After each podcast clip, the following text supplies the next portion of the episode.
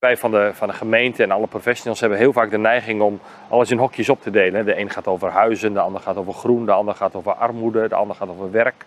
En de ene is een coöperatie, de ander is een politie. Ja, als je dat in hokjes opdeelt, dan ben je voortdurend aan elkaar overleggen en afstemmen.